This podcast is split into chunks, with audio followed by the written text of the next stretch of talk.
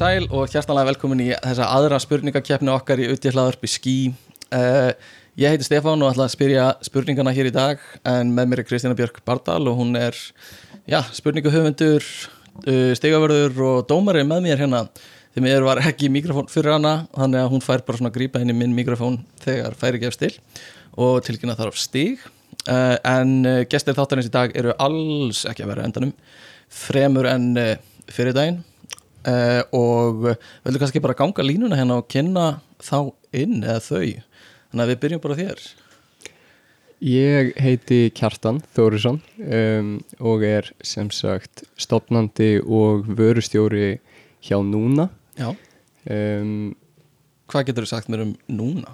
Núna er, ég held svona að flestir Íslandingar uh, sem að þekkja Núna, þekki Núna fyrir uh, markastórki okkar. Mm -hmm. Þar sem að seljendur og kaupendur persónulegar þjónustu og upplifana geta mæst og, og uh, auðvelda viðskiptir sín á milli en í rauninni er það mætti lýsa því sem svona toppinum á ákveðnum ísjaka þar sem að við erum líka með bakendakerfi Mhm. fyrir seljendur þjónustu Mhm. þar sem að þeir geta haldið utan um tímabókanir og sölu og viðskiptavinni og heimsóknarsögu og Já. ímirskona kúmulaði sem að hjálpar þeim að Mhm. halda utan um Einmitt. reksturinn sér.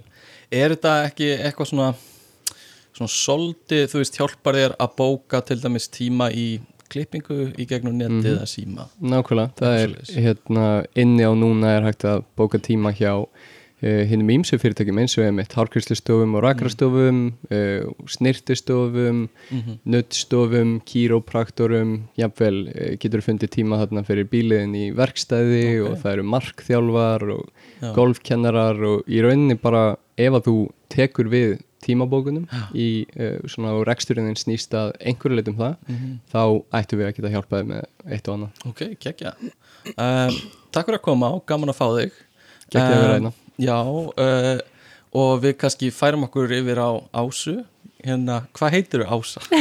ég heiti Ása Júlía Aðalstinsdóttir Já, og ég er uh, að vinna hjá Alfred sem Mhm. tæknilegur þjónustufulltrúi. ok Þannig að já, ég er svona aðalega að svara ymsum fyrirspurnum frá Mhm. notendum og fyrirtækjum. Þetta er þá einhver sérstakur hvað? Þetta er Alfred appið Þetta er appið Alfreð Já. einmitt, og vefsíðan. einmitt. Og hvað hérna gerir maður á Alfreð?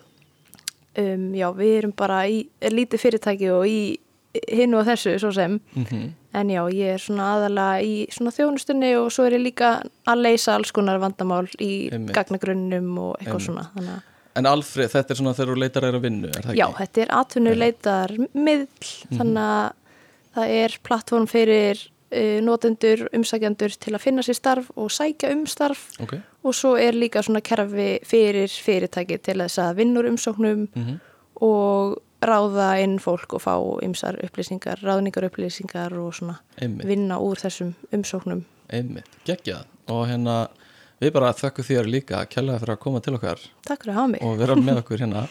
Uh, Og síðast, en ekki síst, fáum við hérna Sæ, ég heiti Kristján, ég er forreitari hjá aha.is. mm og AHA Þetta selur, Við seljum, eða við erum markaðstorg fyrir uh, veitingar, uh, við erum með heimsendingar og matvöru fyrir netto og og erum með veitingar frá veitingastöðum allan, bæ, mm seljum tilbóð fyrir alls konar viðskiptavinni. mm.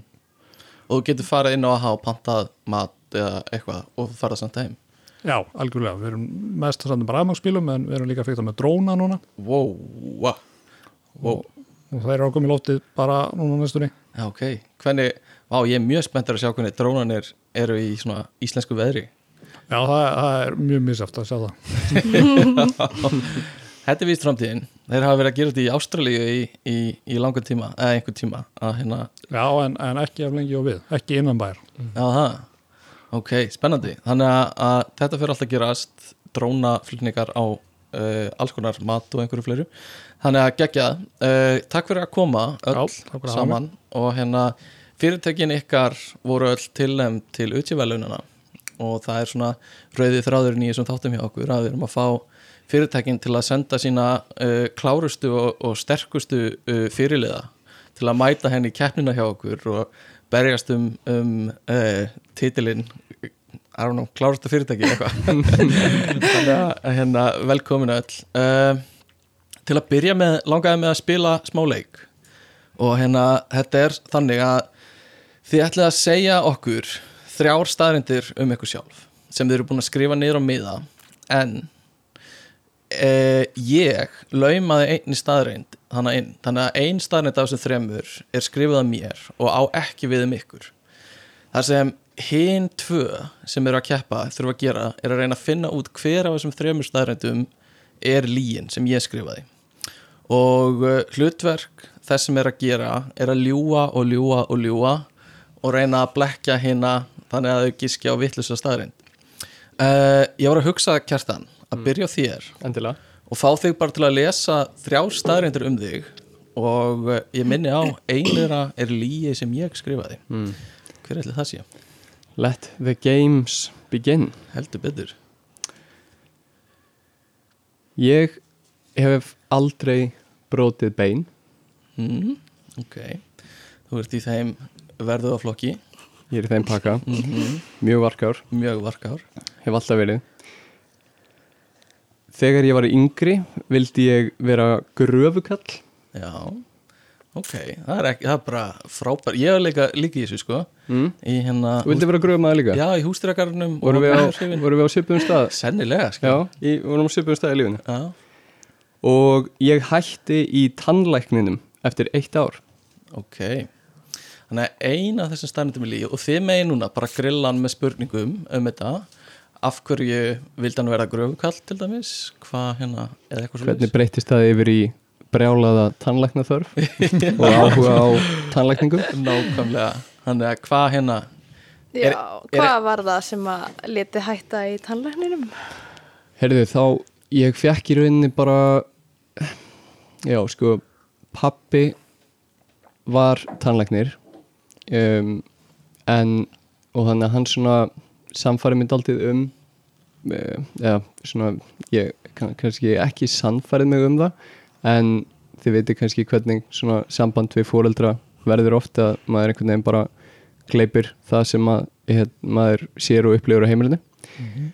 En síðan byrjaði ég bara hægt og rólega að átta mig á því að hérna, ég leit meira upp til móðum minnar sem að var í hérna, svona meira í viðskiptalífinu og um, já og bara svona hafði einhvern veginn meiri áhuga á því sem að hún var að gera samhliða því að bara uh, sem sagt, ég áttaði mig á því að ég átti enga veginn heima þarna í, í tannlækninnáminu sko. Og þannig að það var bara þannig sem að já og þá tók ég ákvörðun um að skipta yfir í rekstraverkfræði sem að reyndar uh, eins og ég hef talað um í öðrum stöðum hættir eða á öðrum fjölmjölum að ég hætti líka í því námi. Og hér er ég uh, Í að því lóknu þannig að skóli almennt bara greinlega uh, ég hefði kannski bara átt að vera gröfukall. Já, ég veit það. Nú ertu með hana rosalega hjálm. já, Hver lengi hefur verið svona varkár? í rauninni bara alveg frá því að ég mann eftir mér sko. Um, þannig að sem sagt ég var svona já en ég myndi líka segja að ég hafi verið daldið heppin uh, og að það sé ein af stóru ástæðanum fyrir því að ég hérna, hef aldrei brotið bein og brotið bein. Talandi um hann að móðu mína þá var hún hérna, uh, það var alltaf til skýr og mjólk í ískapnum heima fyrir. Og hérna, ég var uh, alveg út úr dópaður á kalki og einhverju, einhverju góðu, góðu dótið þarna því ég var yngri. Um, þannig að ég held að þetta sé einhver blanda af þessum þáttum, varkarni um, kalki og síðan hefni. Mm. Þú hefur ekkert lent í neinum gröfu slísum Nei, það var ekki ástæðan fyrir því að ég endaði ekki að vera gröfu kall eins og æsku draumur minn var. Um, en nei, engin gröfuslís en þá hefur þú lent í gröfuslísum er þetta þetta er skrítið spurning, eru gröfuslís ekki algeng? sinni byrja að tala um það sko. Kára Hnjúkart 2011 Já, Nei. hérna, hafið þið einhverja tilfinningu? Eru þið með eru þið með svona eitthvað einhverja tilfinningu fyrir hvert þið eru að stefna Já, ég, ég held að það sé ólíklegt að hann sem er hjálm og hafi aldrei slasað sig. Ég held að það sé gera þetta bitur í reynslu. Já, Þú mættir ekki með hjálm, uh, þú komst inn á hjólandi. Nei, ég veit að hef ég aldrei brotið bein. Nei, nei. Spennandi. Ása? Ég trú ekki þessu gröfu kalla dóti sko. Ok, Það er lígin þannig að Kristján segir hann hafi brotið bein? Og Ása segir hann hafi aldrei viljað vera gröfukall. Kjartan, viltu kannski segja okkur hver er lígin? Já, það var alveg klárlega tannlækna rugglið sko. Þannig að ég, ég hef bæði aldrei brotið bein og, og hérna vildi alveg innilega verða gröfukall þegar ég var mjög lítill. Þannig að ég Ok, þetta var bullaði skemmtilegt, þetta gekk. Já, þetta gekk, vel gert. Þannig að Kjartan fær eitt stig. Uh, Ég bullaði þessa tannlækna rugl. Kristjana var líka henni að skrifa hjá mér Í algjöru panik, það hættir enginn í tannlækninum. Hvað er rugl? Það er klásus í tannlækninum. Þannig að ég, að fuck it. Uh, Ása, má ég bjóða þér að lesa þessa þrjá staðrendir þar sem ein er lígi skrifað af mér? Já. Eh, Ég bjó í fimm ár í Breitlandi Ok, Ég hef farið í fallífastök já Besta vinkona mín kallar mig Gunnar Hvað hljómar? Hver er sagan á bóti við Gunnar? Sko, þetta er eitthvað svona ótrúlega gamalt grín sem hefur bara fest svolítið Ok, grunnskóla vinkona mín já. Já. Er þetta eitthvað sérstakur maður sem þetta er eftir? eða? Æ, ég man ekki, þetta var bara eitthvað svona bekkjafélagi eða eitthvað sem að hétt Ok. Gunnar og Og byrja að kalla þig? já, Ó, það er mjög áhugaður saga. Um, ok, Og undir hvaða kringustæðum fórstu í fallífastök? uh, ég var á Ítalíu uh, var hérna svona au pair passaböld og bara, var bara alveg saman um lífið og bara fór í let kasta mér úr uh, flugvill god Já. já, Ok, Bara alveg saman lífið já. Hvernig Það var, kom hann að moment. 18 ára, 19 ára eitthvað, alveg sama. Getur þú líst tilfinningunni, fyrstu tilfinningunni að hoppa út úr flugvél? bara hrigalegt Já. bara. Ok, mjög hrigalegt fyrst Mjög en svo skemmtilegt. Ok. Uh, Hvenær var það skemmtilegt? alveg í lókin Þegar varst að lenda? já, Búinn að sjá að fallífin virkaði. Já, það er mikill léttir einhverja spurningar á Bretland sem þið viljið spyrja? Hvar bjóstu í Breitlandi? uh, ég bjó í litlum bæ uh, rétt hjá hérna, mjög nálægt Birmingham. Ok, Hvað hétt bærin? Stöldley Hvað hva heiti hér að þessu bormingamri? Svaraðu, svaraðu núna. Á, ég maður ekki. Og hvað varst að gera í fimm ári í litlum bæ rétt fyrir utan Birmingham sem hétt Stöðley?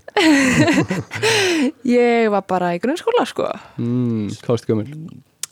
10 til 15 Hljómar eins og eitthvað sem einhver sem voru ekki grunnskóla myndi segja. Mm, Mjög grunnsalegt Nei, grín. Strákar, hvað segið þið? Ég ætla að segja England, West Midlands. Já, ok, það er England. Já, ég ætla að kóla búlsitt á fallífastökið Ok. Uh, Viltu segja hver var líin? uh, Vinkonum mín kallaði mig ekki Gunnar.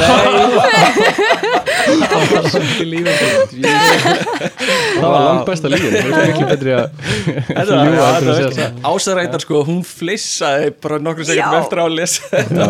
Uh, Mér fannst ég ekki ok. Þetta var bara vel gert sko. Já, já, já Kristján Þú ert síðastur hérna að ríða væði og lest þrjár staðrindur um sjálfæði fyrir okkur og ég minni aftur á að eina af þeim er líið sem ég skrifaði Ég er mikill Eurovision aðdáði Topical, Eurovision nýbúið. Mm. Ég er starffræði með það Vá, ekki svo eini. Svo síðast. Herbergið sem ég sefi er appilsinuguld Áhugavert, mjög áhugavert. Hvað er það fyrsta sem eitthvað þetta er í hug? Hver sigraði Eurovision árið 2012? uh, Lorín, Euphoria. Með besta lagi sem framleitt hefur verið. Eitt besta lag Ok, af uh, starfræði kunnáttu þinni þá uh, heldaði fyrir, nei. Kottu með það, ég eksta, ég eksta En hvað, já, hvað dreif þig allavega, þú veist, af hverju starfræði? Ég var bara það var eina fæðið sem ég kunni almennilega við í, í mataskóla og, og fyrir það líka. Hmm. var alltaf ágættur í henni líka. Og hvað fórstu langt í starfræðinu? bara BS, Bara BS og hvað lærður eftir það ef eitthvað? ekki neitt. En nú ertu forritari hjá AHA, já, sjálflærður já meira og meina, ég tók uh, náttúrulega forröðun í MR mataskóla mm og svo einhverja nokkra áfanga í háskólanum líka en það var ekki gráða. Ok, það er, já, já Þú ert ekki lærður tölnafræðingur eins og margir mm. Nei. Fleiri spurningar? Hver er uppáhaldsliturinn? Appelsungulur ah, Hann svaraði hann að hann já. Þú félst þú væri með hann á einhver uppáhaldslit eftir að maður er 12 óra Mm. já kannski að við mála herbergið affisunugul Hvað er það við affisunugula litin sem að litið mála herbergið maður að opna, nei vakna í byrtu svona eins og þegar sólinn kemur upp. Mm, Einmitt. Ok. Einmitt. Hann, Hvað er það búið að vera lengi svo leis? þegar ég flutti inn í, í búðana minna fyrir einu ári. Mm, Var vekkurinn appelsínugulur aður og mættir? Nei, á hann grár, Ok, það var ekki mjög spennandi að vakna. Ok, ok. Herru, mér hljómar uh, eins og spurningaflóðu okkar séu að enda. Hvað hérna má bjóða ykkur ásáða kjartan? Uh, Eurovision er bull. Eurovision er bull, kjartan?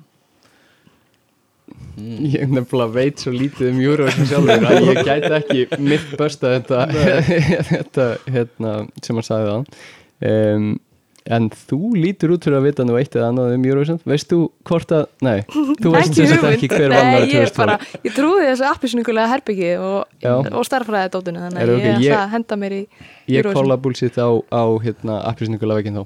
Ok, Kristján, viltu segja okkur hvað lígi? Já, ég sef ekki appelsungulur Um, en það er alveg rétt, Lorín vann sko Já, 2012 það er hlaut að vera, þetta kom allt og fljótt og og var allt mikið kompetens í þessu. Það er allir eftir Lórín uh, Þú varst nálætt í samt að plata hérna plata kjartan líka vil ég lefa mér að segja. Og hérna kjartan fær þá tvö stig fyrir þennan, þessa umferð. Semst eitt fyrir sig og eitt fyrir þessa hérna. Mm -hmm. uh, staðreindur hans Kristjáns. Og Kristján fær þau miður ekkert stig núna en hefur nóg af stigum til að bæta það upp uh, þannig að hvernig er stendur staðan? Það er kjartan 2 Ása 1 og Kristján 0 Uh, ég var að hugsa um að byrja bara á hraðaspurningum í sömu röð þannig að ég sendi Ásu og Kristján fram og byrjum að spurja kjartan uh, 60 sekundur á hraðaspurningum wow. þannig að við bara köttum yfir á það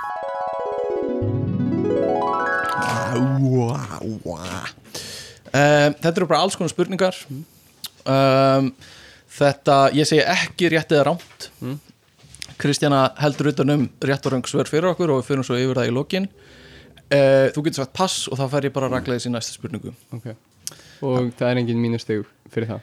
Engin mínsti fyrir það, þú mátt segja pass eins ofta þú vilt Cool. og ég vona að við klárum ekki allar spurningarna sem við erum með. En mér er litla líkur á því Þannig að uh, Kristjana er tíminn reyðbúin Kjartan, er þú reyðbúin? Rauðbúin Þá byrjum við núna Hvaða, en, hvaða land hefur endinguna .de í lénunum sínum? Danmörk Hver framlegir mest kefti bílategund heims? Kína Úr hverju var Árni sem Latti og Bjartmar Guðlaug söngu um? Játni Hver var aðal keppinautur Vaff og S myndbandstækjana í vídeo- og kassettustriðinu Betamax. Hver gaf út plötunum Vélræn árið 2012? Pass Er 21 prímtala? Nei Hvort sagan á að gerast fyrr, Star Wars eða Star Trek? Star Trek Finnst þér astnalegt að hafa Star Wars og Star Trek spurningu? Nei Hver er hámark uh, lengdar sem TikTok myndband má vera? e, 20 sek Hver er aðal þáttastjórnandi þáttana Cosmo sem kom út árið 1980? Carl Sagan Hvaða frumöfni hefur sætistöluna 8? Já, pass Fyrir hvað stendur G í 5G? Pass Hvað mælir ljósár? E, Vegalengt. Hver er þriðji augstafurinn í Pi? Fjórir. Nei, þriði august Sjö. Fyrir hvað stendur NFT? Non-fungible tokens.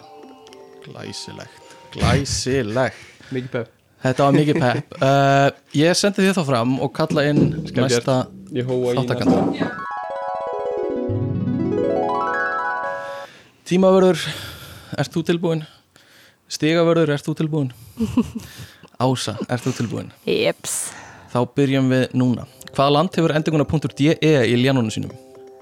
Danmörk. Hvaða fyrirtæki framleiðir mest kefti bíla heims? Bara Ford. Úr hverju var Árni sem Latti og Bjartma Guðlaug sönguðum? Járni.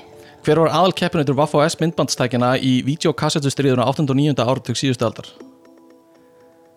Um, Sony. Hver gaf út plötuna Vélræn árið 2012? Pass. Er 21 prímtala? Uh, já. Hvor sagan á að gerast fyrir Star Wars eða Star Trek? Uh, pass. Finnst þér aðstæðanlegt að hafa Star Wars og Star Trek spurningu? Eh, Já, mjög. Hver er hámark lengdar sem TikTok myndband má vera? Ég veit ekki, er ekki að TikTok? Hver var aðal þáttastjórnandi þáttana Cosmo sem kom út árið 1980? Pass. Hvaða frumöfni hefur sætistöluna 8? Pass. Fyrir hvað stendur G í 5G? Uh, giga. Eða eitthvað. Hvað mælir ljósár? Pass. Pass Ok, mjög næs, mjög næs Þú mátt býða hér, þú þarft ekki Já, að fara ok. fram Þannig að Kristjana, ert þú tilbúin? Kristján, ert þú tilbúin? Já, Þá byrjum við núna Hvaða land hefur endunguna.de í ljanunum sínum? Þýskaland, Hvaða fyrirtæki framleiðir mest keftu bílaþjóðum heims? Uh, Toyota, Úr hverju var Árni sem Latti og Bjartma Guðlöksönguðum? pass, Hver var aðal keppinautur Vaffa S myndbandstækina í videokassetustriðinu 8. og 9. árþjóð síðust Sony aldar? Betamax, Hver gaf út plötuna Vélræn árið 2012? pass, Er 21 prímtala? nei, uh, hvor sagan á að gerast á undan Star Wars eða Star Trek Star Wars, nei, jú, finnst þér, sta- finnst þér asnalegt að hafa Star Wars og Star Trek spurningu já, hver er hámark lengdar sem TikTok myndband má vera 30 sekundur, hver er aðal þáttastjóndi þáttana Cosmo sem kom út árið 1980 Karlsagan, hvaða frumefni hefur sætistölun 8 Súröfni, fyrir hvað stendur G í 5G uh, Generation, hvað mælir ljósár? Uh, Vegland, hver er þriðji aukastafurinn í Pi? Fjórir, fyrir hvað stendur NFC fyrir, Já, fyrir Non-Fungible Token, hver var maður ársins árið 2021 að mati Time Magazine? Elon Musk, hvaða tölvufyrirtæki ætlar Microsoft að kaupa? Uh, Activision Blizzard, fyrir hvað stendur Ski? Ekki hugmynd, og tíminn er búinn. Vel gert. Vel gert að ná hvaða fyrirtæki ætlar Microsoft að kaupa? Ég hafði ekki uh, já. Ó, ótrúlega börg en þetta var vissulega svari sem vorum að leita uh, þannig að- glæsilegt Kristina er að taka saman stíin uh, og ætlar að segja okkur þau eftir augnablík Andra er þetta ná ekki, Já, það íspurningur rétt. Starfarhengur þannig að við förum e, já, ég fer kannski bara já, ég ætla að fara yfir þá svörin og svo fá að heyra stíðin þannig að e, hvaða land hefur endinguna .ge það er Þískaland e, hvaða fyrirtæki framlegir mest kefti bíla heims? Það eru Toyota, Toyota Corolla hefur líka verið, það er semast bílategundin. E, úr hverju var Árni sem Latti og Bjartma Guðlöksöngum það er Járni og segir dojojojojoing Uh, aðal keppinautur Vaffa S myndbandstækjana í kassettustríðinu á 8. og 9. áratögnum sem er, mér finnst mjög dramatísk spurning sko. er uh, Betamax uh, ég held að Sony Betamax og Sony sé þá ríka rétt svar þannig að við gefum rétt fyrir Sony hver gaf út plötuna Vjöluræ árið 2012, það var Fredrik Dór 21 er ekki prímtala en það gengur 7 og 3 upp í hana uh, Star Wars gerist fyrir Star Trek uh, eins og uppháfskjárin segir a long time ago in a galaxy far far away. Uh, það er ekki astnalegt að hafa Star Wars og Star Trek spurningu en ég gefur rétt fyrir bæði þannig að, engar ágjur það er hámark 10 mínútur á TikTok og það er ekki aukasteg fyrir að segjast ekki vera á TikTok. Ása en samt sem að það er mjög góð punktur uh, og ég er ekki heldur á TikTok þannig að uh, uh, það er Karl Sagan sem er vissulega aðalþáttastjórnandi Cosmos frá 1980 uh, Súrefni hefur sætistöluna 8 G í 5G er sagt standa fyrir Generation. Uh, Ljósár mælir vegalengt já, þriðaugstafurinn í P er A. Hvað stendur NFT fyrir? Það er no- non-fungible token tokens Elon Musk var maður ársins að mati Time Magazine 2021 Microsoft ætlar sér að kaupa Activision, Blizzard og Ski stendur fyrir Skísluteknifélag Íslands Þannig að þetta voru spurningarnar okkar og svörin Kristjana, viltu kannski segja okkur hvernig staðan stendur eins og staðan stendur núna? Já, Kristján leiðir með 13 stig, þar á eftir kemur Kjartan með 9 og Ása með 4. Glæsilegt, glæsilegt. Og það er nóg af stigum eftir í pottinum þannig að örvæntið ekki Kjartan og Ása. En Kristján, örvænt þú? Það er ástæðan fyrir ég fór í Morfís en ekki getur betur uh, Akkurat núna er einmitt ræðu spurningin okkar þar sem við byggjum Nú, alla. Má blóta Já, bara eins og vilt. Um, Bjöllu spurningar eru næstar, þær eru sex. Uh, Þið ringir bjöllunni með því að segja nafni á fyrirtækjum sem þið vinni hjá þannig að Kjartan þú segir, Núna. Ása segir Alfred og Kristján segir Aha, Aha, mjög gott, þú skilur greinilega. Og uh, uh, ef þið ringir bjöllunni þá stoppa ég lesturinn þið svarið og ef það er ánt þá missið svarréttin fyrir spurninguna og ég held áfram að lesa fyrir hinna um, ef þið haldið að viti svarið ekki gasprað út áður en þið er búin að ringja bjöllunni þannig að við séum með það alveg hreinu. Þannig að það er algjörskilda að, að segja nafnum fyrir tekin ykkar. Uh, ég held að okkur sé bara ekkert á maðbúnaði ef við ekki bara leggja í hann? Við spyrjum fyrst um virkni á samfélagsmiðlum. Virknin er til staðar á bæði Facebook, Instagram og LinkedIn en ekki á Twitter. Virknin getur aðstofa notendur uh, við það að láta sig ekki líta illa út en hún getur líka hjálpa fólki sem hefur flýtt sér um of. Elon Musk hefur. Núna. Ég, uh, Já, já Kristján, það er aha, Kristján. þetta er editaki að breyta? Já, það er hár rétt Það eru tvö stig fyrir bjöldspurningar þannig að Kristján fær tvö stig. Ég sá að, já, þú varst á nákvæmlega sama Það var þessi tryggari þarna undir lókin Já, Einmitt, Elon. Ok, vel gert. Um, Þetta var glæsilegt Við ætlum bara að segja að hérna Elon vill, vill bæta edit taka við á Twitter uh, sem ég hef svo sem enga skoðun á persónulega. Um, Næsta spurning er svona. Linux er frjálst stýrikerfi sem er Unix-legt og samanstendur af Linux-kjarna og ýmsum kerfishugbúnaði. Linux-kjarnin eða útfarsla á honum má segja að sé vinsalasta stýrikerfi heimi vegna notkunar þess í Android snjálfsímum og á netþjónum svo ekki sé talað um ofurtölfur. Linux á hins vegar ekki eins góðu gengi að fagna í flokki borðtölva þar sem það nefnur rétt rúmlega 2,3% hlut stýrikerfa. Hvaða finski forritari er sagður hafa skrifað Aha. Þor... Núna Kristján? það Aha. er Linus Torvalds Það er Linus Torvalds sem skrifaði þorran úr Linux kjarnanum á sínum tíma 1991, þetta er glæslegt þetta, nörd, þetta var svona nördaspurningin út þáttinn sko. þetta var svona ekstra svona fyrir hérna Linux vinn okkar þann úti. Uh, og gnúfin okkar? Já, fyrir gnú vinn okkar. Linux gnú uh, við færum okkur í þriðju bjölluspurningu Nobels velunin í eðlisfræði hafa verið veitt 109 sinnum síðan Wilhelm Röntgen fjakk þau fyrstur manna árið 1901 Uh, einungis tvísvar hafa Nobelsvelunin í eðlisfræði verið veitt konu. Árið 1903 Mary Curie. Já, það er rétt hjá þér. Það var verið að spurja um konuna sem fekk þau árið 1903 sem var Mary Curie. Þetta er magna Þú ert emmeringur. Ég ætla að lega mér að segja já við því að Kristján sé emering Uppfullur á, uh, já, góðum staðrendum Herri, við, við dveljum ekki lengur við þetta Við viljum gefa fólki tækaveri hérna til að svara Kristján. Um, Fjórða bjölluspurning er svona. Grace Hopper sem var fætt 1906 og dó 1992 var stundu kölluð Amazing Grace. Hún var brautriðandi á sínu sviði í vísindunum. Hún er ein, einna þekktust uh, fyrir það á ferli sínum uh, að þróa fyrirbæri sem kallast Harvard Mark 1 og COBOL á hvaða sviði var Grace starfað? Hún var tólumfræður Hún var tölunafræðingur og starfaði á sviði tölunafræðinar það er hárétt COBOL, hefur unnið með COBOL Nei, sem betur verið ekki. Það er uh, eins og ég skil forröðunumál Já, og uh, veit ekki mikið meira um það. Við höldum áfram og uh, færum okkur úr fymtu spurninguna. Og eitthvað eitthva hérna segir mér að Kristján gæti ekki kannski næra en ekki þessari.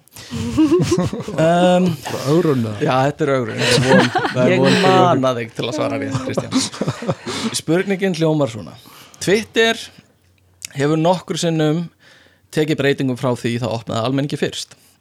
Til dæmis hefur það kynnt inn nýja nótkunum möguleika eins og retweet möguleikan á að setja inn gif möguleika á að setja inn skoðanakannanir og fleiri stafi í hverju tísti En hver var hámaksfjöldi stafa í upphafi? Núna. Og hver 140 og hver var ástæðan fyrir því? Það tengdist SMS-um að SMS eh, hámarksta fjöldi stafa í SMS skilabóðum var 140 uh, uh, Nei. Uh, grátlegt að segja að þetta er ekki alveg það sem við vorum að byggja um. Ég, uh, en, en hérna uh, nálægt því vegna þess að við spyrjum hver var hámarksfjöldi stafa í upphafi og hver er hann núna Núna núna Má ég segja aftur? því miður ekki segja aftur en hinn tvö Ah. hafa tækifæri og það er 140 þá var auðvitað rétt í orðum og tvöfaldaði ekki, var það ekki, ekki 280 núna í, Jú, er það ekki Kristina? Ertu Ég, ég held að sé rétt hjá Kristjáni sko. Ég ég, er viss um það. ég hafa skrifað innefnilega vittlust en það er rétt hjá Kristjáni Þannig að, og með grunur að kjartan hafi verið með þetta að, Ég var svo graður í að ná einu undir hérna og- skáka mér aftur. Já. Uh, Einmitt, einmitt, einmitt. Þannig að það eru 140 og 280 uh, Næsta spurning. Árið 2014 Þetta er svona fyrir forritarana Ég vil taka það fram. Þannig að fyrir ykkur hérna sem forritið Árið 2014 var forritunarmálunu Objective-C skipt út sem aðal forritunarmálunu hjá stóru teknifyrirtæki ah, Núna, Ah, það var svo leiðilegt ah, Ok, Kristján? Apple skipti yfir í Swift fyrir iOS Já. gildstyrir Það er það sem ég var að spyrja um. Hvaða forritunarmál? Ég var með fullta texta hérna sem ég fekk ekki að lesa um, um forritunarmáli Swift uh, en við fyrirgjöfum það. Kristján uh, var með það sem við kallum al slemmu í bjölluspurningunum uh, Það er ekki hægt að segja annað en vel gert fyrir það. Uh, en ég vil uh, impra á því að það er nóga stigum í pottinum þannig að það er spennu engin, engin þarf að Ræsi örvænta hér. uh, Næst ætlum við að færa okkur í vísbendingaspurningar. Og uh, það eru þrjár vísbendingar eins og það er hefð fyrir það eru þrjú stig ef að þið svarir rétt í fyrstu og tvö fyrir aðra vísbendingu og eitt stig fyrir ef þið svarið rétt eftir að ég les upp síðustu vísbendingu. Það eru sömu reglur og í bjöldspurningunum uh, ég stoppa lestur þegar þið segið uh, og þið missið svarréttin innan þessar vísbendingar þeirrar vísbendingar. Þannig að ég hef þá bara lesturinn. Fyrsta spurning, spurtur um heiminn nött heiminn nöttur þessi var uppgötvaður af Galileo Galilei árið 1610 radius hans er um það bíl 1560 kilometrar og er hann því ögn minni en tunglið sem uh, gengur um jörðina er Heiminnöttur þessi hefur sterka tengingu við annan heiminnött sem má segja að sé töluvert stærri. Yfirborð nattarins tel, telur fáa árekstur skíga og er hann því talin frekar Aha. ungur. er það IO Þetta er ekki íó. Kemur. Næst. Þýðir þetta að hann fórnaði öllum sínum giskréttum eða má hann giska aftur næst? Hann má gistaka í næstu vísbendingu bara. Þannig að þið hérna fáið sjans núna. Dammit Þið eigið ennþá möguleika á að gíska á þetta um, Annars get ég haldið áfram í næstu spur vísbendingu Já, þetta var sér sett Þetta var- já. já. Já. Um, já, þá myndi ég giska á hérna uh, Europa. Um, eða, eða, já, við myndum að heita það en ég er ekki viss. Europa, Europa? Já, ég gef rétt fyrir það, Já, það er rétt. Ok, og þú náður í, fyrstu vísbendingunum minni þannig að fullt að texta mjög góð Hvað, En heitir hann bara Evrópa eða hvað? Já, Á Evrópa, Ávísir, já, Evrópa já, er nákvæmlega. ágætt. Ég segi hérna að það sé ís á yfirborðinu og þetta sé sléttasta yfirborð á nokkrum hluti í föstu formi í sólkerfinu. Mm, og fólk telur mögulega að það sé vatn undir yfirborðinu Einmitt. í fljótandi formi það sem gæti verið líf. Spennandi. Mjög spennandi. Og það er uh, einmitt leiðangur að fara á stað á næsta ári sem heitir Jupiter Icy Moon Explorer eða JUICE sem ég fannst líka mjög skemmtilegt. Ágætis Eh, bíómyndum þetta 2013, uh, Europa Report. Já, einmitt, þannig að, að þetta var mjög skemmtilegt. Og svo spyr ég hérna um tel upp hinn tunglin og eitt af því var Íó sem Kristján sagði. Uh, Næst ætla ég að spyrja um tæki. Tæki, tæki, tæki. Tæki þetta er flestum kunnugt og hefur verið partur af lífi okkar frá því rétt eftir síðustu öld. Uppgötvun á almennum notkunar möguleikum tækninar að baki tækinu má tilenga manni að nafni Percy Spencer sem vann fyrir fyrirtækið Raytheon. Núna, Já, er þetta útvarpið? þetta er ekki útvarpið en þetta er frábært gisk samt. Ég ætla að halda áfram að lesa. Percy Spencer sem vann fyrir fyrirtækið Raytheon á þeim tíma sem sjálf lærður verkfræðingur. Hvert er tækið? Ég ætla að segja talstöð. Þetta er ekki talstöð en gott gisk líka er þetta eldflug? Þetta er ekki eldflug heldur. Þannig að við höldum áfram í næstu vísbendingu og ég byð uh, keppendur um að vera með puttana á bjöllinni. Uh, Þó það sé ekki aðal tilgangur tækisins í dag þá notuðu breskir vísindamenn tæknina bak við tækið á sjötta áratugnum til að endurlífka hamstra sem fristir höfðu verið við mjög lágan hita Almenna notkunar möguleika tækisins uppgötaði Percy eins og fyrir segir þegar hann tók eftir því að bylgjurnar frá ratarnum sem Aha. hann var þetta er örbylgjófn þetta er örbulgjöfn og ég var að fara að segja að hann hafi tekið eftir því að súkulaðistykki sem hann var með í vasanum hefði bránað. Þannig að má eiginlega segja að hann hefði verið standandi inn í örbulgjöfni á þessum tíma. Heitlandi Þetta er mjög heillandi. Og eh, síðasta vísbending þá fer ég yfir í hvernig, hvað við gerum við örbulgjófna svona í daglegu lífi. Uh, en uh, þá færum við okkur í þriðju vísbendingarspurningu sem ég er jafnframt spenntastu fyrir. Að ég er mjög spenntu fyrir hvort hún sé mjög öðveld eða, eða erfið. Mm, ok, ok, ok. Ég er ógislega spenntur. Uh, spurt er um orð.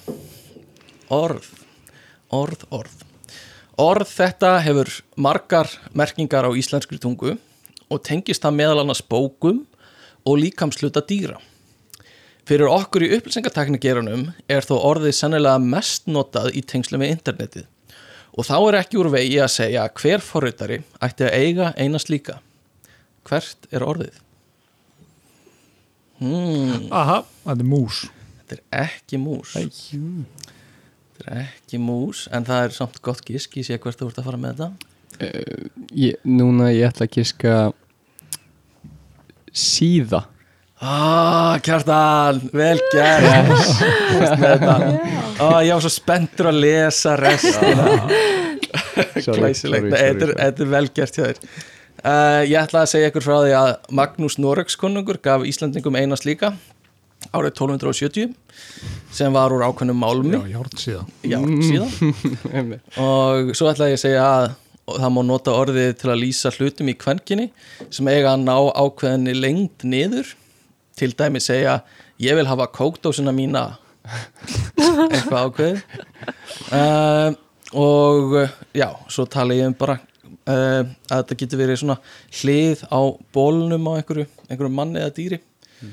Og þá er ég ekki að tala um ból sem er flík heldur líkamsbólur uh, Já, næst færum við okkur í hérna tegund spurningum sem eru hljóðspurningar þannig að ég spila fyrir ykkur hljóð og þetta er aftur bara eins og bjöllu spurningarnar þið bjallið ykkur inn og segja mér hvaða hljóð þetta er eða í hverju við heyrum og þið undirbúið eirun ykkar hérna uh, Já, en kannski áður um að gera það þá er uh, best kannski að fara yfir stíin Kristina, viltu taka okkur í gegnum það?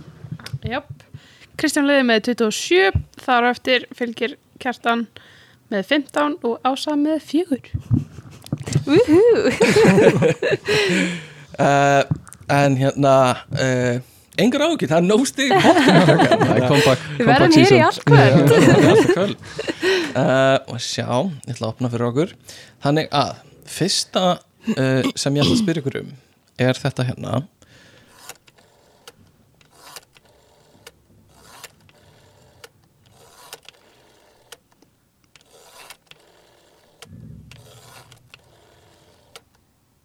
Heyrðu Núna, mhm. Núna, mhm. Um, Ég held að þetta sé í svona uh, gamalli græju sem var notuð til að varpa myndum upp á vegg svona myndvarpa sem var með mörgum uh, glærum filmum Mhm. þannig. Þetta er gott gisk, en þetta er ekki það sem við heyrum í. Ég get leift ykkur að heyra örlítið í viðbóð Þið heyrðu þetta, er það ekki? Er það ekki? Já. Getur hlusta á þetta smá í viðbóð Er þetta svona Alfred, hérna, Já. svona græja uh, sem að er hort í gegnum Mhm. og flippað á milli svona mynda svona, svona skífu sem það getur Já. hort á myndir í gegnum Þetta er ekki það En það er líka mjög gott gisk Ég skil hvað það menar Kristján, má ég krefja þig um svar? Já, ég hef ekki hugmyndu hvað það er en, en ég var að giska á svona, svona gamaldag svona reiknitaki, hvað er það, slætrúl á húsku. Já, svona abakus tótt eitthvað Já, ég ekki beinleginins en, Ok, en það er ekki rétt. Nei, nei, nei. En ok um, Rétt svar er uh, Svona gamaldags skífusími Rótari sími Það sem við hérna heyra það Taka kannski hana. hérna. Uh, Þannig að enga spurning enga, uh, engi stig fyrir þetta. Uh, Næst ætlum við að heyra í þessu. Og núna byrð ég ykkur innilega um að vera tilbúin snögt Einn, Og við byrjum þá núna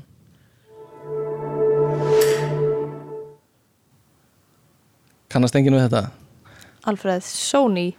Nei, uh, ég ætla að spila þetta aftur.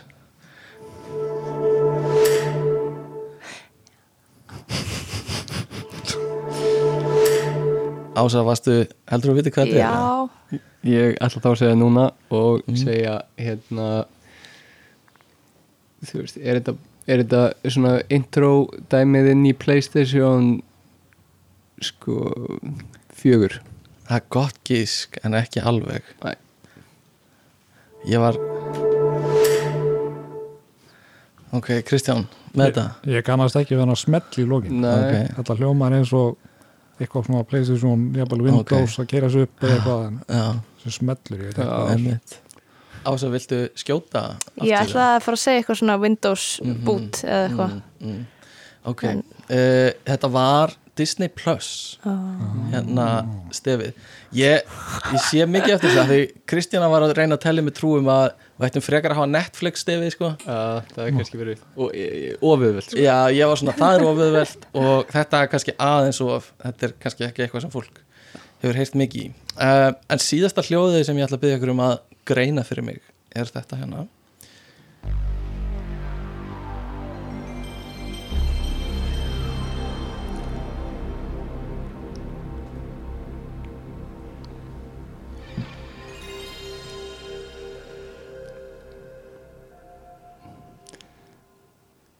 Núna um, mig langar að segja að þetta sé Playstation 1 það er hár rétt hjá þér kjart, þannig vel gert. Þarna.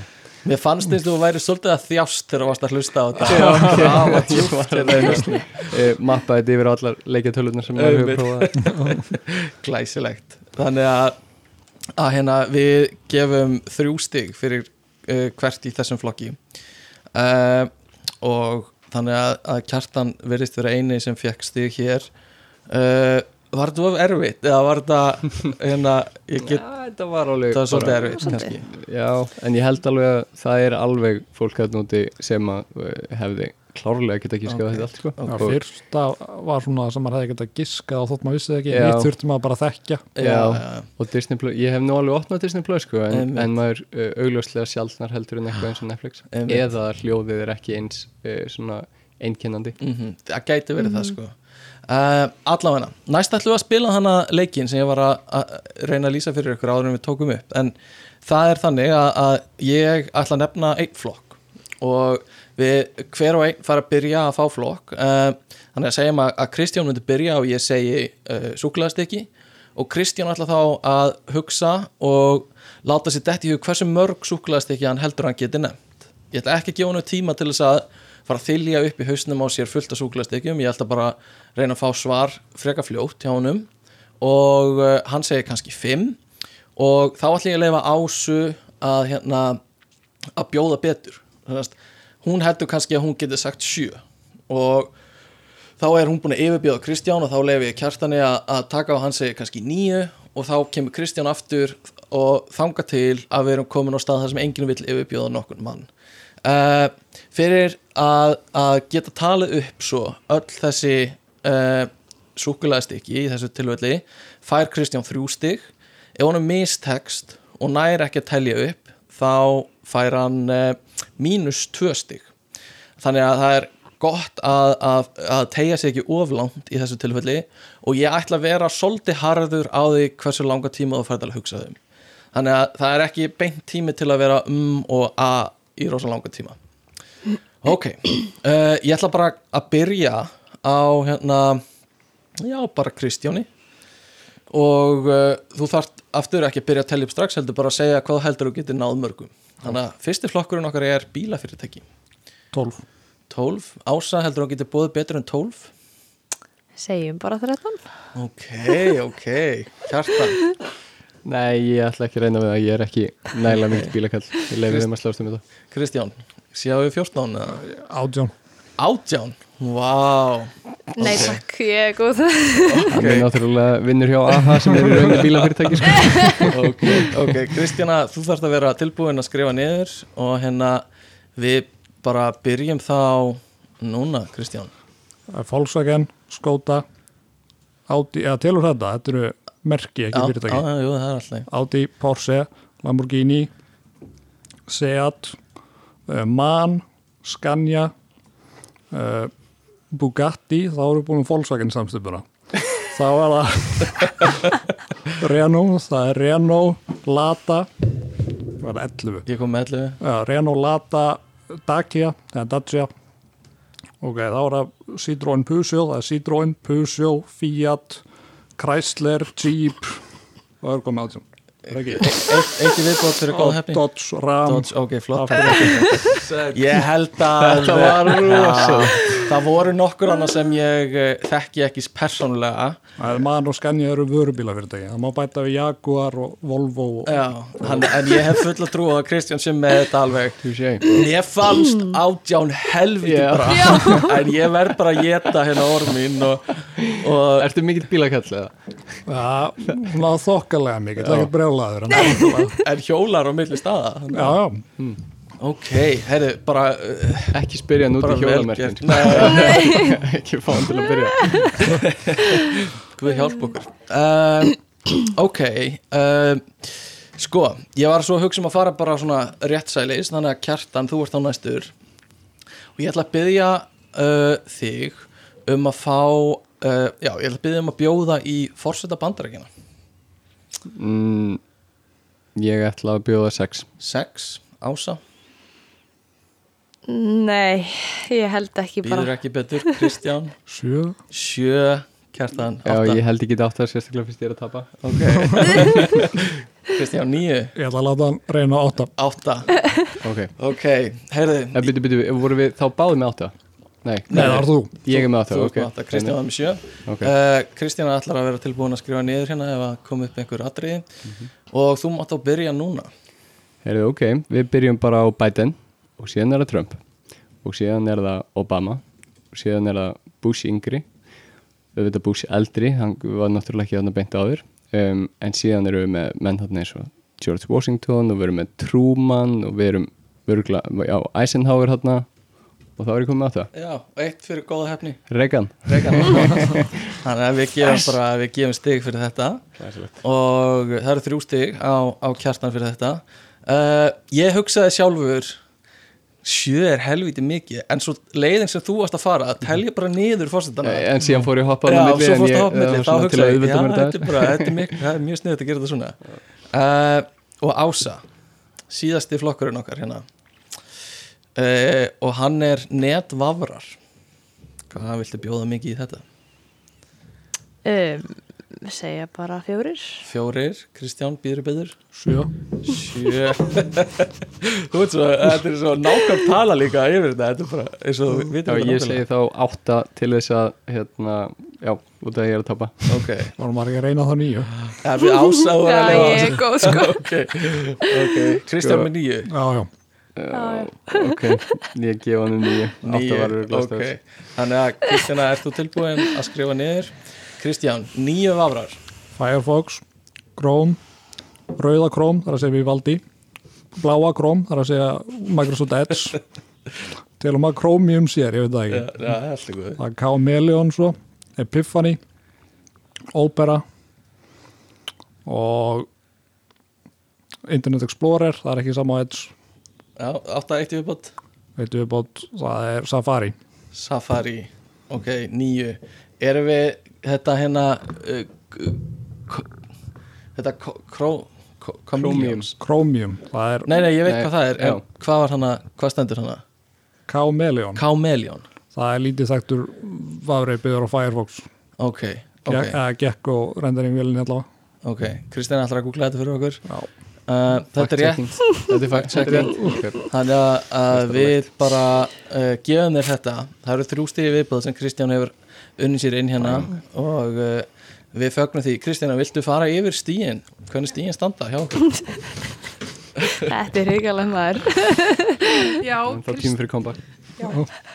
Kristján liðir ennþá með 33 þar eftir fylgir Kjartan með 21 og Ása með 4 Það er bara Það er var ása glæslegt joinum núna á móti Kristján. Það Samanlegt eru saman í liði. Samanlega uh, En engar ágjur, það er nóg að stigum í pottinu krakka já, já. já, já, já. Einhvern tímann hættir þetta að vera það Sko, uh, við erum að fara í flokkaspurningar. Ása ætlar að fá að byrja, byrja að velja, flokk. Uh, Það eru þrýr flokkar í bóði og undir hverjum flokki eru þrjár spurningar. Það gefa 1, 3 og 5 stig. Um, Ef þú, sem sagt ef þú klikkar á spurningu þá, þá fær næsti svarrétt. Þannig að Kristján fær svarréttin þinn og svo kjartan og eftir honum. Uh, og hérna uh, þú mátt velja í hvaða röð þú fær spurningarnar. Uh, hinga til hafa allir bara kosið að fá spurningu 1 og svo þryggjastæða spurningu og svo fimmstæða spurningu. En það er algjörlega undir þér komið. Ég ætla að bjóða þér upp á flokkana. Tölvuleikir samfélagsmiðlar og tækni úr sci-fi efni Förum bara í samfélagsmiðla. Samfélagsmiðlar glæsilegt. Við byrjum á uh, þá einstega spurningunni. Glæsilegt. Uh, Ása, segðu mér. LinkedIn var stopnað árið 2003 og miðar að fólki í atvinnu og atvinnu leit og bara alla framapótara yfir höfuð. Árið 2016 var fyrirtæki selt til nýs eiganda. Hver er núverandi eigandi LinkedIn?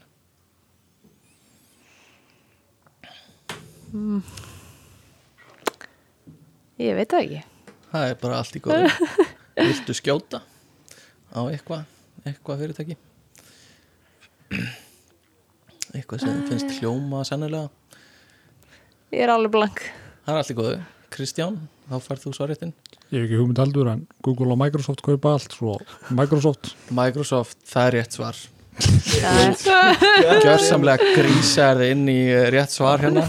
Og færð þar að leiðandi eitt stig sem stelur fyrir Ásu. Uh, Ásu heldur hins vegar svarréttinu sínum og fær spurningur um tvö. Hvers konar fyrirbæri er á myndinni sem setti met árið 2019 sem mest lækaða mynd á Instagram og jafnvel á nokkrum öðrum samfélagsmiðli líka með yfir 55 miljón likes í, og já, 55 miljón likes í april 2022 uh, og rústaði þannig uh, metun sem Kylie Jenner setti með 18 miljón like. Þannig að það var mynd af einhverju fyrirbæri sem setti met í lækum á Instagram. Ó, já, það er eitthvað svona alveg fáranlegt Ég man ekki hvað það er. Mm. Mm. Bara eitthvað epli eða eitthvað Epli, það er mjög gott gísk Ég man Eh, samt ekki nákvæmlega Það er hins vegar ekki, ekki rétt Kristján, má bjóða þér að taka þetta Allir elskar ketti, svo kottur. Kettir, nei, kjartan hérna, hvaða ár var þetta sér? Þetta er, þessi mynd kemur 2019 á Instagram Er- Eh, já. Er þetta þá hérna Hope selfie mynd? mm, Ég veit hvað það tala um á Óskarnum Já, Þetta er ekki það ekki það, ok Þetta er, þetta er mynd af eggi. Já, og ekkert meira. Og ég veit að Ása vissi þetta. Já, það var bara epli og egg. Basically sami hlutur Hva, uh, hver er saðan og baka þetta? Hvernig? þetta var held ég bara einhvers konar svona tilraun eins og allt er falið baka einhver svona Mm. félagsleg tilraun. Mhm. getum við fengið egg til að setja meti eitthvað bla bla bla og allir á netinu bara já, gera það. Ég ætla að leika Og var einhver sérstakur sem að byrja eða sem sagt var þetta bara eitthvað svona 4chan reddit þetta er fyrirbæri? ég, ég er ekki alveg viss en mig grunar að þetta sé einhver svona, uh, einhver svona hópur af fólki sem vildi bara prófa eitthvað svona, þetta er, það er hægt að googla þetta og þetta er ennþá bara opið. Þessi síða, þetta er bara eitthvað svona e- egg-liking experiment, eitthvað svona. Og hérna, já, semast gjörsamlega sko rústaði metinu sem var fyrir. Um, síðasta spurning og svo allra mikilvægasta myndi ég segja. Uh, í stuttastund uh, á árunni 2012 til 2016 var heimurinn góður staður til að búa í. Lífið var þess virði og það var gott að vera til Væn samfélagsmiðlinn átti stuttu en góðu gengi að fagna á þessum árum Væn leifiði notendum að hlaða upp 6 sekundna myndböndum sem oftar en ekki voru gríðarlega skemmtileg Margir og margar af stærstu samfélagsmiðlastjörnum dagsins í dag rekja rætur sínar til væn. Nemndu eina af átt, þeim átta vænstjörnum sem höfðu flesta fylgjendur árið 2017 þegar væn lokaði. jésús um, Það eru átta nöfn sem þú getur nefnt fyrir mig. Ég þarf eitt. Og eh, Segjum bara Je, Jim Jim, Joplin. Jet, Jet Jim Joplin. Já, já. Ég er ekki frá því að hann hafi verið númer nýju uh, Jet Jim Joplin Kristján Má bjóða þér að svara? Nei, ekki hugmynd. Ekki hugmynd Kjartan? Eh, Já, ég sko gæti ekki alveg verið að einhver hérna af þessum Paul bræðurum hann, Jake Paul til dæmis, hafi verið vænst þetta. Ok, þannig að þitt svar er Jake Paul. Jake Paul. Þetta er, þetta er, þetta er leiðilegt. Ó. Af því að það var hinn bróðurinn Nei, sem er, sem hinn bróðir, sko. Logan, Logan Paul, var nummer 8 og ég ætla að fara eldsnögt fyrir Oh fyrir uh, þessa væn aðdándur sem er að hlusta. Það var sem sagt King Bash Nash Grier, Lele Pons Rudy Mancuso Britney Furlane Cameron Dallas og Curtis Lepore og svo síðast Logan Paul. Þannig að þetta eru allt góðir vinnur okkar af eh, skjám snjalltækjan okkar og hérna uh, bara, bara sko, syndsamlega nálægt í þannig að þetta var alveg algjör skil, ég held að væri með þetta sko. Já, já. Hérna, mér fannst það mjög úf uh, já, já, Kjartan þú farað að velja úr þessum tveim flokkum sem eru eftir. Og það voru tölvuleikir og tækni úr sci-fi efni. Ó, guð. Ég er fyrðulega slappur í báðu Ok. held ég. okay. En ég segi hérna Ég segi þá bara töluleikir tölvuleikir, það er gott, það er gott, það er gott. Þetta eru stuttar spurningar fyrir þig. Náttúrulega klúraði þarna Star Trek Star Wars spurninguna sko. ja, ég mun aldrei fyrir ekki hérna uh, já, þetta eru stuttar spurningar þannig að við byrjum bara á, á einstega spurningu. Hvað heitir tölvuleikja streymisveitan sem Google ætlar að setja á laginar og hefur sett á laginar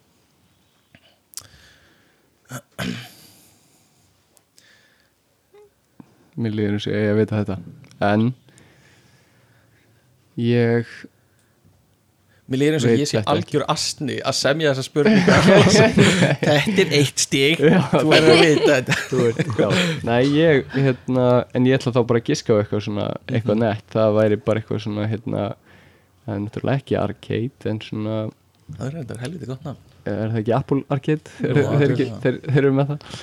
Um, herri, ég segi bara eitthvað svona hérna uh, nei, ég, get, ég ætla ekki einu sinna að gíska á Netsilly, það er bara pass, passa mig Pass er bara gott svar líka Já. Pass Google Pass Google Pass Ása, viltu skjóta? Eða ertu með þetta? Ekki með þetta, sko. Ok, Mm, bara endilega Já. skjóta eða þú vilt ég held að sé bara pass Ok. líka. Vá, er einn svör hérna, það lítur að vera svör Kristján Var ekki, þetta var eintalega annað en bara YouTube Live. Það er ekki sko YouTube Live. Já, YouTube Live er ekki rétt. Þeir eru ekki standað sér vel í að markasetja þetta. Nei, nefnilega sko. Þetta er, heitir Google Stadia. Og hérna þú getur strengt tölvuleikjum á hvaða tæki sem er. Þannig að þú getur spilað bara bestu töl- tölvuleiki heimi á símanæðinum skilur Mm. bara í gegnum netið sko.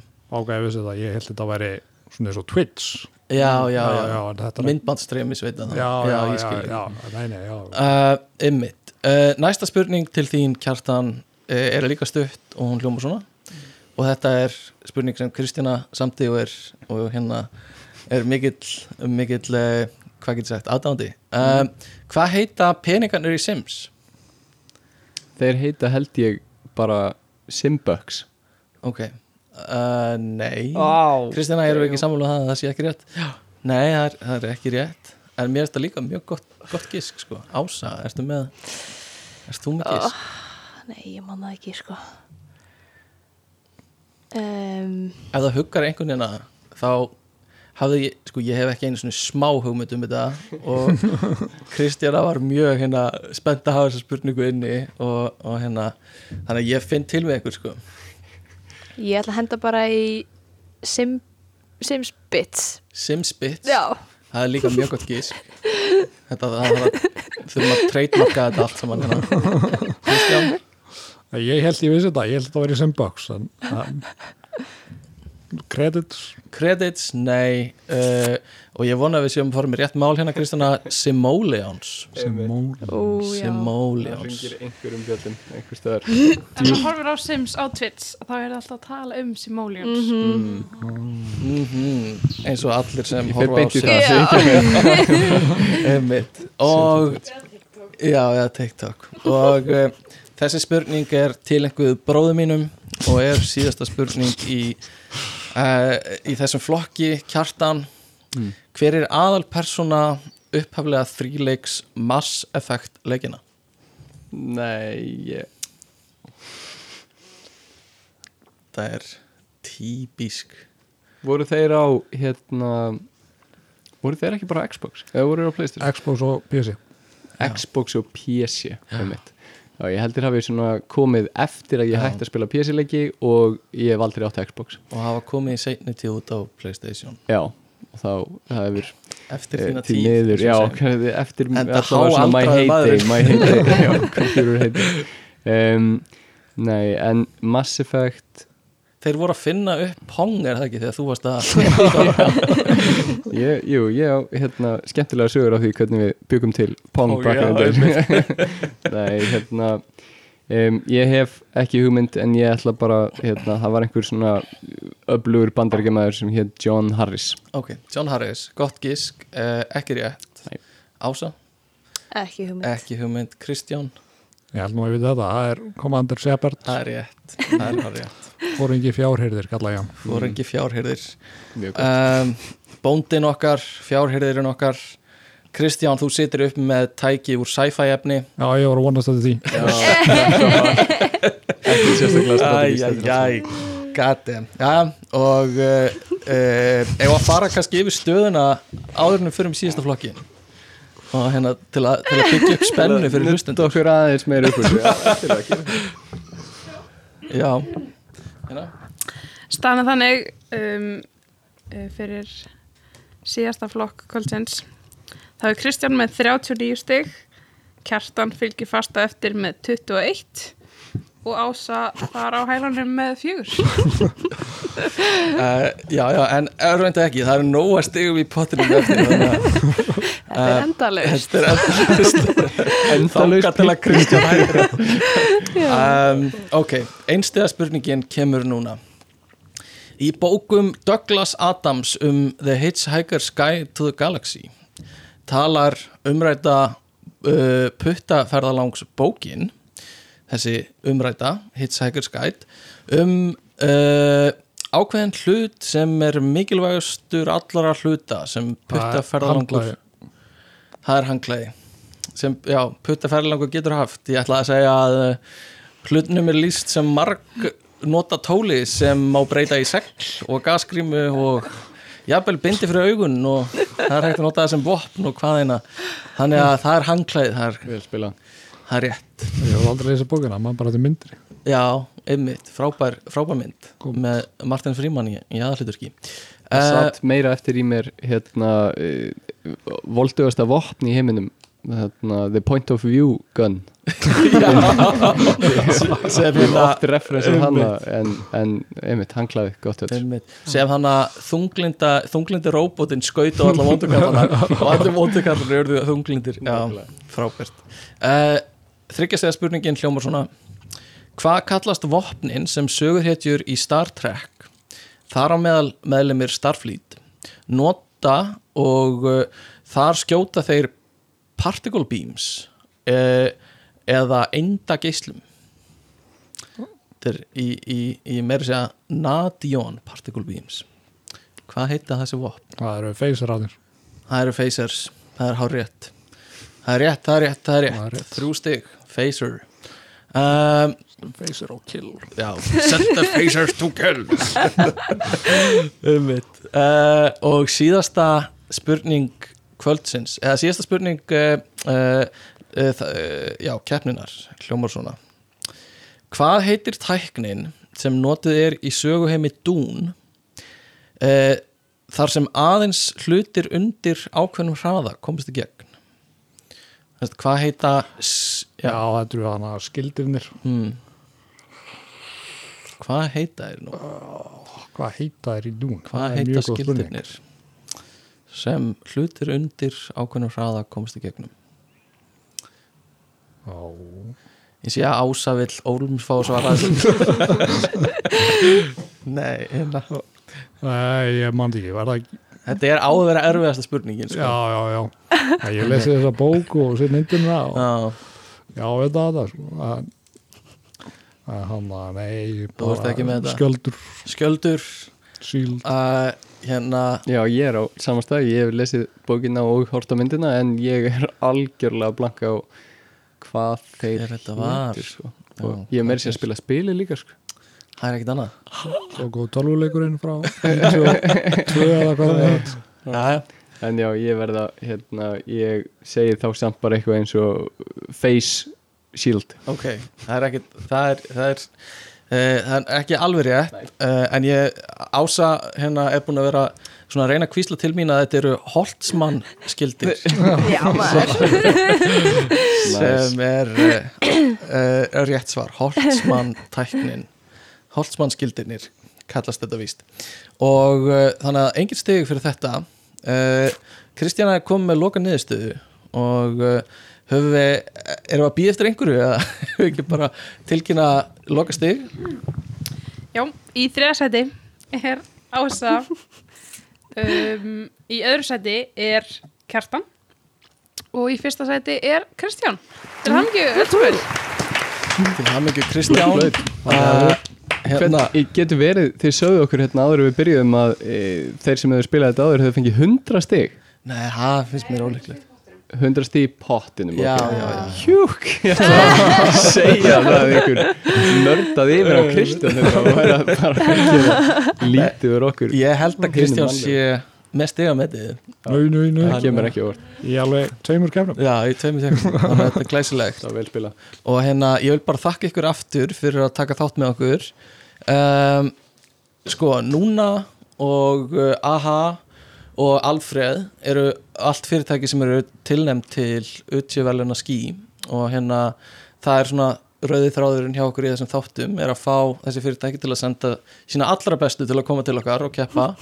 Uh, keppa um hérna titilinn gáfasta fyrirtæki á Íslandi. Mm. uh, Aha, Já, Þá veitum við það? Já, það er, hérna, en líka skemmtilegt nafn þá svona, hérna, Júríka moment, eh, augljóslega alltaf að eiga sér stað á hverjum degi einmitt, hérna. aha, Aha. aha. Kærfið sem ég vinn við heitir aha moment sko. Ok, Ah. geggjað. Nice. Að Það er frábært. Og, en bara ég vil þakka ykkur kella fyrir að, hérna, að koma til okkar og að sjálfsögðu sjáumst við á utímessinu 25. mæ og það er ennþá hægt að kaupa með það til 20. mæ ef mér skjálfast ekki þannig að hérna hlakka til að sjá ykkur vonandi, keppendur og hlustendur um, eitthvað sem þið viljið koma að að lúkum Nei, það var bara indislegt að fá tækifæri til þess að uh, spila þennan skemmtilega spurningarleik og upplifa svona, hérna, einmitt, þetta, þetta getur betur moment sem að maður uh, fekk aldrei í metaskóla einmitt,